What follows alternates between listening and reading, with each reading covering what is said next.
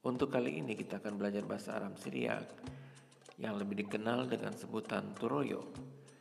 Bahasa ini dipakai oleh komunitas orang-orang Syria yang berada di daerah Tur Abdin, sebelah tenggara Turki dan sebelah utara Irak dan Syria.